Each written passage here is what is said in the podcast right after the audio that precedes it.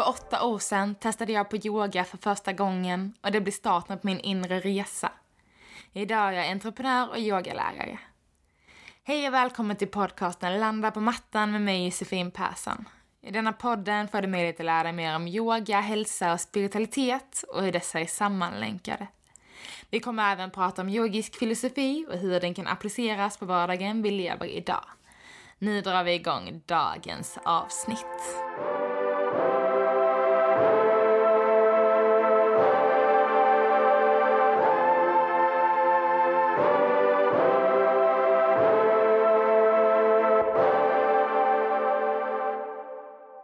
Blir jag en äkta yogi? Och hur ska jag nå till det här upplysningstillståndet som alla pratar om hela tiden? Hmm. Idag kommer vi prata om Patanjalis åttafaldiga väg och hur man då följer den här vägen för att till slut nå till steg åtta, samadhi och upplysning. Vi kommer idag gå igenom alla de här åtta stegen, en för en, så det kommer bli väldigt mycket ord och förklaringar. Men jag ska försöka att eh, ah, ta dem så tydligt som möjligt och försöka konkretisera det. Men vi har ju då de här åtta stegen. Och jag kommer först läsa upp de orden så ni får höra dem. Jag har sagt dem i några tidigare avsnitt också. Och vi har yamas, hur vi ska agera mot omvärlden. Vi har niyamas, hur vi ska förhålla oss till oss själva. Vi har asanas, det som vi känner igen som yogapositioner och fysisk yogapraktik. Vi har pranayama som är andningstekniker när vi gör andningsövningar. Sen har vi pratyahara som är avslappning av våra sinnen och hur vi kan eh, dra bort våra sinnen en efter en och bara fokusera på ett av dem. Vi har dharana som är koncentration. Vi har dhyana som är meditation och sen har vi då slutligen vårt sista mål samadhi som är upplysning, nirvana. Jag tänkte att vi går igenom dem en för en. Men först så tänkte jag läsa en Yoga Sutra och det är då Patanjali som har skrivit Yoga Sutrorna och det är också han som har tagit fram den här filosofin kring den åttafaldiga vägen. Och den är något som vi följer väldigt mycket om vi utövar då ashtanga yoga. Den åttafaldiga vägen och ashtanga yoga är i princip samma sak. Ashtanga betyder ju åtta delar. Och jag ska då återgå till den här yogasutran. Eh, så yogasutra 1.32 Genom att rikta vårt fokus mot en enda sak kan vi undvika att påverkas av distraktionerna. Så genom att då rikta vårt fokus mot en enda sak, genom att fokusera på en av de här vägarna i taget, ja, för att fortsätta sutran, kan vi undvika att påverkas av distraktionerna. Så om vi fokuserar på att gå den här steg för steg, tills vi kommer då till steg åtta, men att vi har fortfarande fokus på varje steg tills vi känner att vi har bemästrat det här steget, då har vi också en lättare väg att ta oss framåt. Och det här är ett sätt jag tolkar på den här sutran på eh, gentemot den åttafaldiga vägen och sen kan man ju i princip bryta ner den hur mycket som helst. Men jag tänker att vi börjar från början, såklart. Men steg ett, yamas. Och nu kommer det som sagt komma väldigt mycket ord. Och jag kommer bryta ner de här i senare avsnitt också, men jag vill framförallt ha en övergripande blick över allt. Men yamas, alltså hur vi ska agera mot den yttre världen. Hur vi kan vara goda mot andra. Men vi kan också koppla det här till oss själva. Och det finns fem yamas. Den första som jag kommer gå igenom är ahimsa, att inte skada, icke-våld. Och det betyder ju då att eh, ja, men våld eh, av alla olika slag eh, är förbjudet. Och det handlar då om både fysiskt och psykiskt, så vi ska inte skada någon eller oss själva fysiskt. Och det kan vi koppla till om vi håller på och eh, yogar eller pushar vår kropp alldeles för hårt. Det kan också vara att vi skadar oss själva fysiskt, men inte heller psykiskt. Vi ska inte tänka onda tankar varken om oss själva eller någon annan. Vi har satya, som handlar om att vi ska tala sanning och framförallt att vi också ska stå för vår sanning. Vi ska vara sanna mot oss själva och mot andra och framförallt då kunna rannsaka oss själva om vad är min sanning. Vi har Asteia som handlar om att inte stjäla. Och återigen, inte stjäla från andra eller sig själv. Vi ska inte stjäla fysiska ting. Men inte heller stjäla någon annans tid till exempel. Vi har Brahmacharya som handlar om återhållsamhet. Och då att vi håller oss till det vi gör och vi håller oss till en person. Vi kan även prata om att man lever i celibat, just när man pratar om Brahmacharya.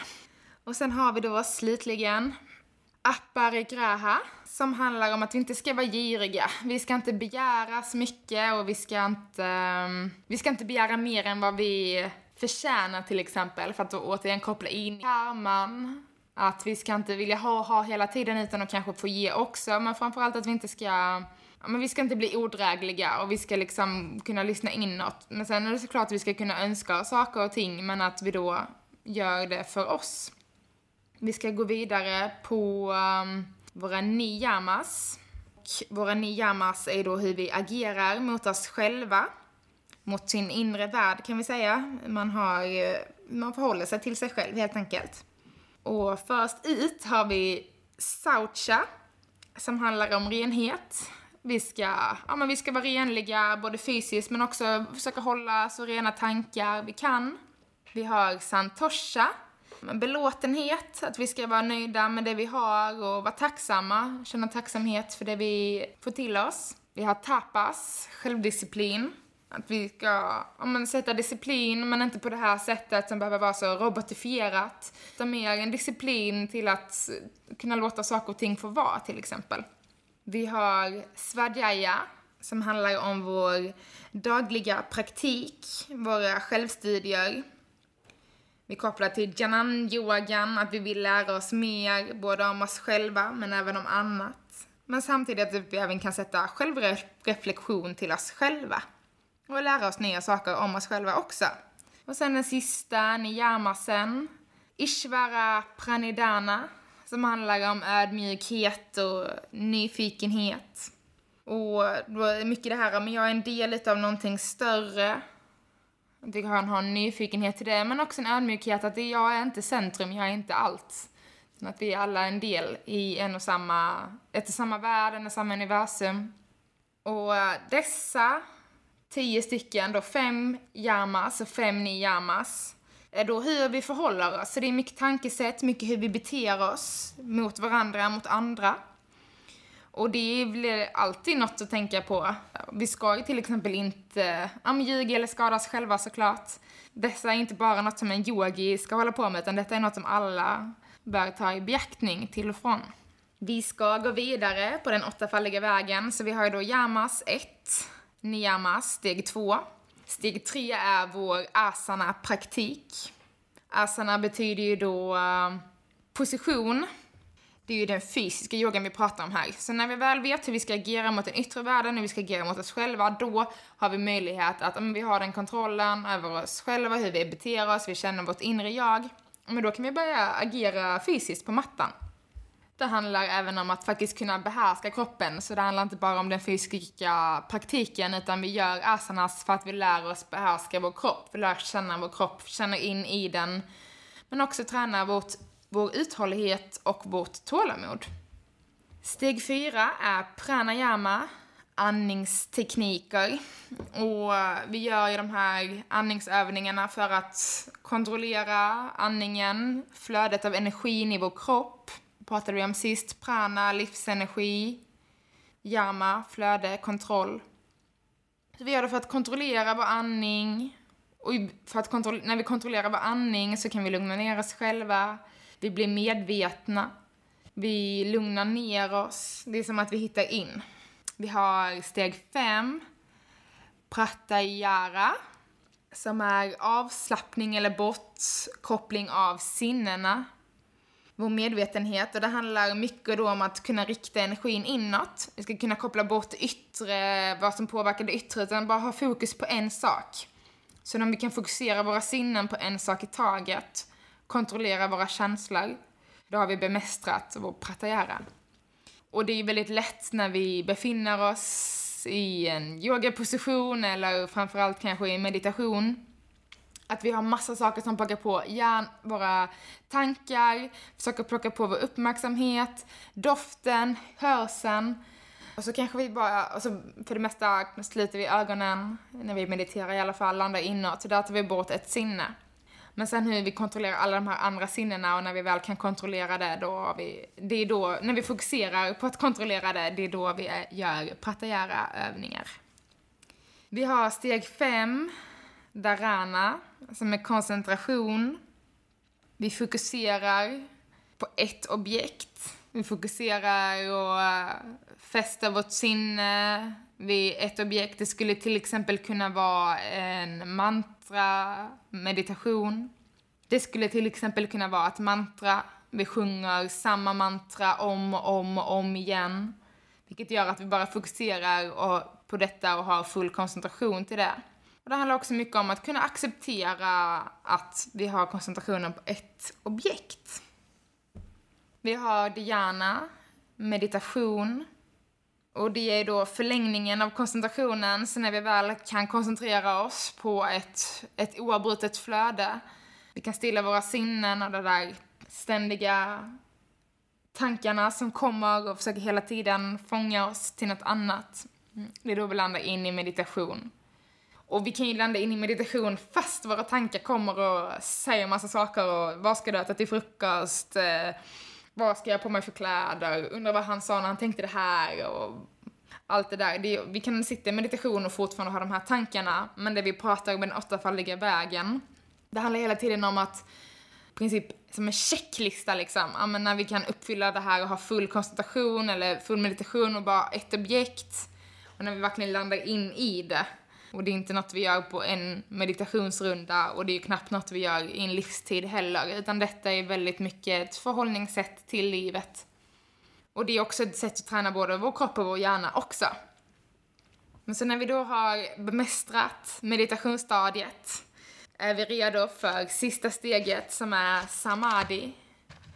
Upplysning, nirvana. Det är, ehm, vi landar hela tiden här och nu, vi är alltid i nuet vi är lugna. Det är som att vi är i ett. Vi bekymrar oss inte över saker och ting som kan påverka oss, utan vi har verkligen landat in i upplysningstillstånd. Alla dessa är väldigt oklara när man bara hör dem och ser dem steg för steg. Så jag tänker att vi ska gå igenom en liten... Vi ska gå igenom dem bakifrån de är väldigt röriga när man hör dem så här, jag ska förklara, så bara, ah, där Darana, koncentration, vad betyder det? Eller, ja, men jag ska fokusera på ett endaste sinne. Det är väldigt oklart, och som sagt, vi går igenom dem en för en, när vi klarat av att uppfylla den ena, då kan vi gå vidare till den andra, men vi kan inte gå vidare till den andra förrän vi klara tidigare steg, eller först vi kan bemästra tidigare steg. Och jag ska läsa upp en text här som kommer från en av mina lärare som jag tycker är helt fantastisk för att förklara relationen då mellan de här åtta stegen. Och då börjar vi bakifrån, så vi börjar från samadhi. Och texten lyder så här. För att uppnå samadhi, högsta möjliga medvetenhet, så krävs färdighet i meditation, dhyana. En förutsättning för meditation är förmågan att kunna koncentrera sig under en längre stund dharana. Ett splittrat och distraherat sinne kan omöjligt koncentrera sig och därför krävs träning i pratyahara, att kontrollera sina sinnen. Hur ska vi då gå tillväga för att kontrollera sinnet? Jo, genom andningsövningarna. Pranayama. För pranayama krävs att kroppen inte smärtar eller blir en belastning och distraktion under andningsövningarna och därför utövar yogin asanas. För att skapa den disciplin och inställning som krävs för en regelbunden asana-praktik behövs färdighet i det som kallas niyama. Och slutligen, det viktigaste och mest grundläggande i yogafilosofin är de etiska och moraliska principerna som omfattas av yama. Utan förståelse för dessa finns ingen möjlighet att kunna utveckla de efterföljande delarna. Jag tycker den här texten är så himla bra, för den förklarar verkligen att ah, nej, men det är sant. Jag kan inte sitta och koncentrera mig under en längre stund ifall jag har ett splittrat och distraherat sinne. Det går liksom inte. Men bara för det betyder inte det att vi kan utöva och träna på de här olika stegen i olika ordning. Det är liksom helt okej okay och det går hur bra som helst. Och detta är då en av, ja men det är väl en av de största yogafilosofierna, Patanjalis åttafaldiga väg. Och hela den, hur man ska då också uppleva och komma till de här stegen en för en, står i de här yogasutras. Och uh, kan rekommendera om man vill läsa igenom fler yogasutras. Uh, finns lite olika typer av böcker som är olika reflekterade på olika sätt. Och de är ganska svåra att tolka ibland. Som ni hörde i den jag sa i början, det eh, kan vara svårt att tolka men det är också där den filosofiska delen kommer in.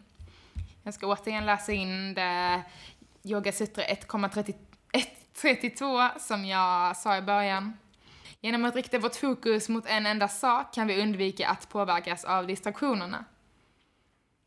Och det är som sagt, kan vara svårt när man hör dem bara så här, ha vad sjutton betyder det? Att rikta vårt fokus gör att vi inte behöver påverkas av distraktioner, va?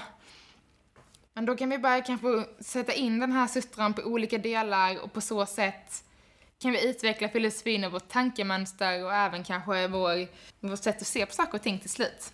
Och det är väl det jag tycker är så himla fint just med yogan att, ja men om vi bara är öppna för det och för vissa delar och ifrågasätter lite, lite, lite det är då vi hela tiden kan utvecklas och ständigt vara på den här vidare resan genom vårt sinne, genom vårt mind och utvecklas hela tiden.